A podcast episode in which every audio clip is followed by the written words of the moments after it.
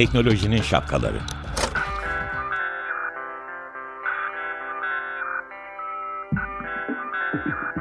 Bilgi ve iletişim teknolojileriyle güvenli ilişki için Banu Zeytinoğlu, Murat Lostar, teknolojinin tüm renklerini, siyah, beyaz, mavi, kırmızı şapkalarını konuşuyor.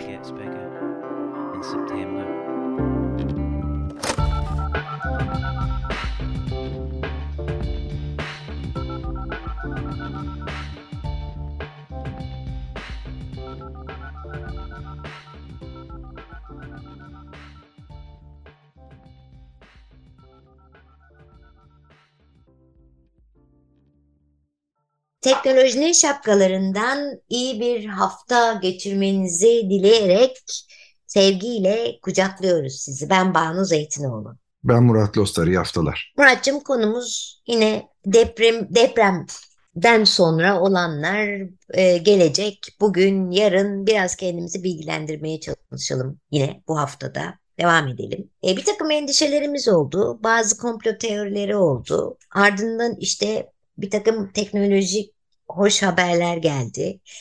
Bu iki konuyu konuşmak istiyorum seninle. Birincisi harp diye bir şey girdi hayatımıza. Yani bunun Türkçeleştirilmiş halini bile anlamama imkan yok benim. Yüksek frekanslı etkin güneşsel araştırma. Yani güneşin güneşsele dönüştürülmüş halini ilk defa gördüm. İkincisi de ama bunu bir konuşalım. İkincisi de sonra da şarkıdan sonra da Finder'ı konuşalım olumlu bitsin nispeten. Olum, tamam. Ee, Banu'cum senin Türkçe e, uzun söylediğin şeyin İngilizce baş harflerini söyleyeyim. İngilizce HAARP.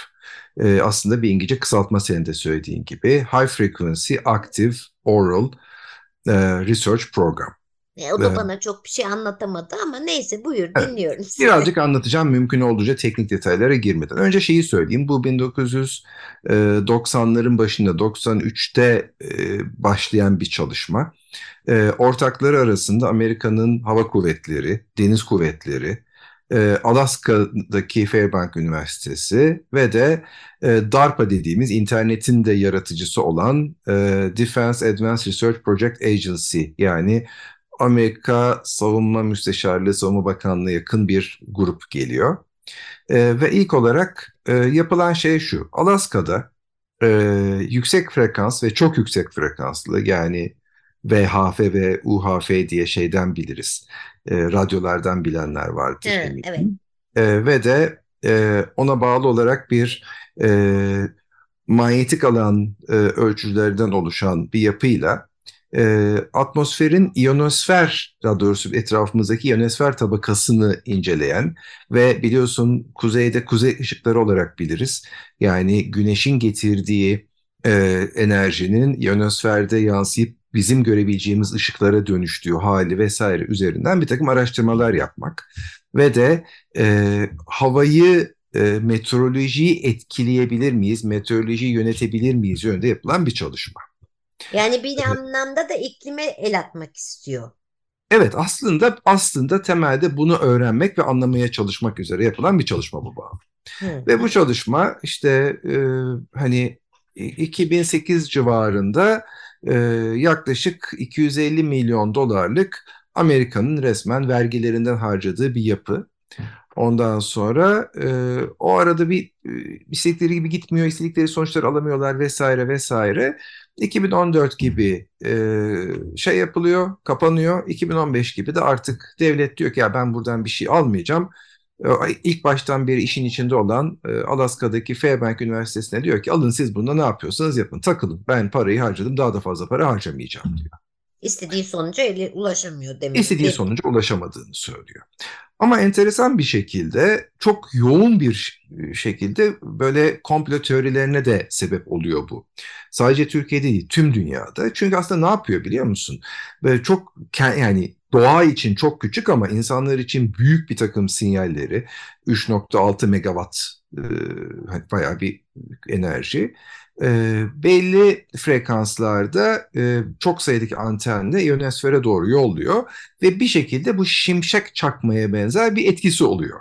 Ve insanlar diyorlar ki yani insan eğer insan eliyle şimşek çaktırıyorsak bu farklı amaçlarla da işte dünyanın bir yerinde bir hava olayını etkilemek, dünyanın bir yerinde doğanın çalışmasını etkilemek üzere bir takım şeyler olabilir diyor. Derken Ama, ya, deprem de yaptırabilmek. E işte komple teorileri buradan ortaya çıkıyor. Fakat hani e, nihayetinde bu benim uzmanlık alanım değil ama başka bir açıdan baktığım zaman konuya yani şöyle bir durum var. Hani evet hani teorik olarak şimşek çaktırabiliyor falan filan ama hani bir şimşeğin tüm dünyadaki etkisi ne kadar olabilir? Çünkü bir istatistik var. Dünyada doğal olarak saniyede 50 ile 100 arasında şimşek çakıyor bana. E, dolayısıyla hani bu harpın yoğunluğu, becerisi çok küçük. Üstüne üstlük bu hani olsun olsun. Hani belki yerel olarak bir yerde yağmur yağmaya ya da işte havanın belli şeylerini değiştirmeye, e, özelliklerini tetikleyerek bir takım değişiklikler yapmaya sebep olma yolunda bir çalışmalar olabilir ama deprem dediğimiz şey atmosferle ilgili değil ki. Deprem çok iyi bildiğimiz gibi dünyanın alt katmanlarıyla ilgili bir şey. E bu peki çubuklar ne? İşte o çubuklarla da işte elik şey yani hani e, yok öyle bir şey diyeyim özetle. Yani hani sıkıldı. o kadar lüzumsuz gidiyorsun tamamen. Bir kere zaten Amerika vazgeçmiş 2008'de bunun böyle bir şey bu işe yaramayacağını. Devlet vazgeçmiş, değil mi? Bütçeyi kesmiş. Adamların bütçesi yok e, sahte deprem yapacak. Merak etmeyin demek istiyorum. Ama devlet kesmiş parayı. Yani bu başka şeyler de oldu. Yani ben de şeyleri de duydum. İşte sadece o değil yani bu söylediğim atmosfer üzerinden. Yok işte magma tabakası üzerinden sinyal gönderip bir şeyler yapmak vesaire gibi iddialar da var. Ee, işte aslında zihin hedef... okuma da var zihin okuma. Var. Ee, hedef or orası değil aslında hedef İstanbul'du aslında depremin gücü 11 olacaktı da işte iki tane 7'ye düştü. Yanlış yaptılar, hesap hatası oldu falan gibi şeyler ben de duyuyorum. Söyleyecek bir şeyim yok. O zaman bu harp çok konuşuluyor. Özellikle gençler arasında da çok konuşulduğunu biliyorum. Söyleyeceğimiz şey arkadaşlar, harpın ne olduğunu bilin. Ama bir şey daha bilin. Ee, harp depreme neden olmadı. Depremi harp yapmadı yani. Onlar bir şey çubuklar mubuklar gönderip yapmadı. Bu bir komplo teorisi. Yemeyin bunu. Bu kadar da açık söylemek istiyorum. Ee, bir şey daha eklemek istiyorum izin verirsen. Ee, hani varsayalım depremi birisi yaptı ya da varsayalım depremi hiç kimse yapmadı. Ama şunu biliyoruz. Deprem başka bir şey. Depremde bu kadar çok yıkım olması ve bu kadar çok e, arkadaşımızın, tanıdığımızın, dostumuzun ya da vatandaşımızın ya da misafirimizin ölmüş olması aslına bakarsanız deprem kaynaklı değil. Depremin üzerine yapılan bina kaynaklı ve bu çok somut bir şekilde söyleniyor. Somut bir şekilde uzmanlar tarafından birçok kez açıklanıyor. Öncesinde açıkladılar, sonrasında açıkladılar, 99'da açıkladılar. Sürpriz yani burası sürpriz değil. Ve Türkiye'nin deprem bölgesi olduğunu e, herkes söylüyor, hep söylediler. E, deprem oldu, deprem e, şeyi e, neden ona e, hani deprem Japonya'da da oluyor, San Francisco'da da oluyor, bir yerlerde oluyor. Hani insanlar e, hani depremden ölmüyorlar. Depreme dayanıksız binadan en büyük ölüm oldu. Ne yazık ki. Ve bu tür böyle bir takım teorilere, komplo teorilerine inanarak da kendi hatalarımızı başka türlü bir yere bir batırmayalım. Doğanın doğal kan, kanununu da başka bir yere ne bileyim ihale etmeyelim. Ayrıca lütfen dönüp kendimize bakalım. Evet deprem öldürmüyor. Yine insan öldürüyor insanı. Doğa öldürmüyor yani. Şöyle öldürmüyor çünkü Japonya'da da dediğin gibi öldürmüyor yani. 9, 9'da öldürmüyor. Neyse yani bu konularda çok sinirliyiz. Ee, yanlış şeyler söyleyebiliriz. Onun için ben yine bu hafta da Leonard Cohen'e sığınmak istiyorum. Ben niyeyse hep Leonard Cohen dinlemek istiyorum. Ama bu sefer böyle bir iyi gelecek bir şey e, olsun. E, herkesin hemen hemen bildiğini düşündüğüm bir şarkısı. Dance Me to the End of Love ve Life yani. Evet, Leonard Cohen'den Dance Me to the End of Love'ı dinledik. Konumuz e, teknolojinin ya getirdiği iyi ve kötü şeyler bu deprem sonucunda. Bir tanesi harptı. Harp komplo teorisi. Onu bir tarafa koyuyoruz. Ne olduğunu bilin ama inanmayın. İkincisi de şimdi iyi bir şeyden bahsedeceğiz. Finder. Bu NASA'nın e, zannedersem bize yaptığı bir ya bize değil de yarattığı bir şey değil mi? Finder. Evet, hatta NASA'nın ismiyle bakınca ne alakası var dedirten bir bölümünün yaptığı bir şey.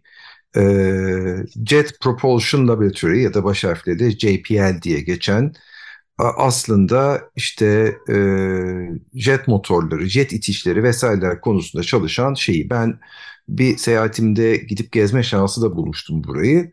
Hmm. Böyle dünyanın hakikaten çok böyle akıllı, çok e, iyi bilim adamlarının, iyi mühendislerinin e, çalıştığı bir yer. Dolayısıyla hani e, bu ne canım hani roket teknolojisi mi uzaya roket mi gönderiyoruz bunu yapabiliriz diyeceğin şeyler var ya bunlar hakikaten hem uzaya roket gönderiyorlar hem de bu tarz böyle bazen zaman zaman farklı konularda da çok ciddi e, ürünler, e, çözümler çıkartan bir yapı bu JPL.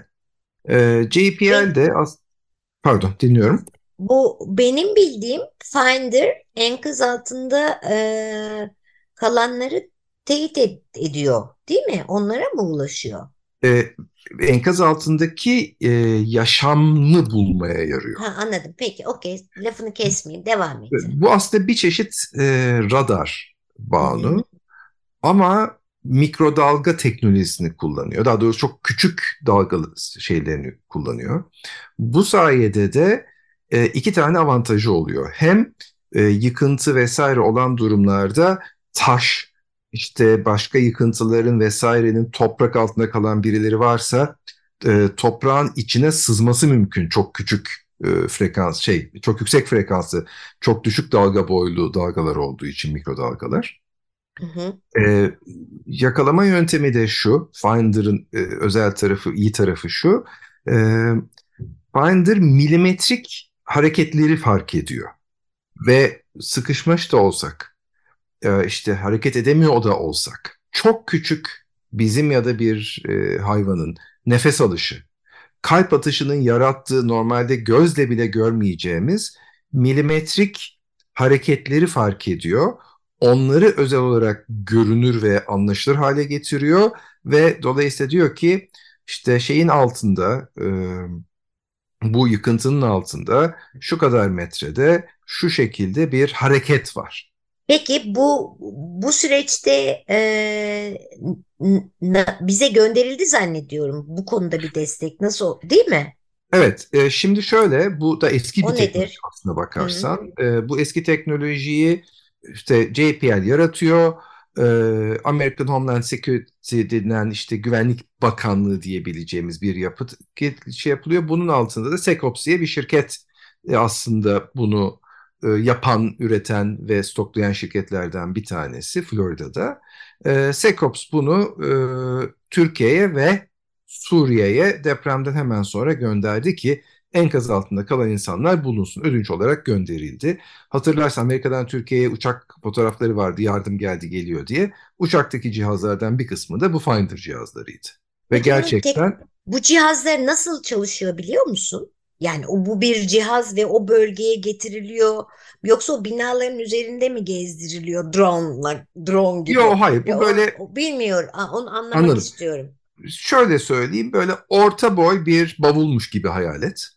Evet. Her şey bunun içine sığıyor. Ondan sonra e, onun içerisinde hem elektronik cihazlar var hem bir e, hem iki tane de anten var. Bu antenlerden bir tanesi sinyali veriyor Atenin bir kısmı, öbür kısmı da e, yansıyan sinyalleri topluyor. İçindeki elektronik cihaz bunu şey yapıyor, e, elektronik devreler bunu değerlendiriyor ve yazılım kendi ekranı üzerinden de sana bir takım bilgiler veriyor.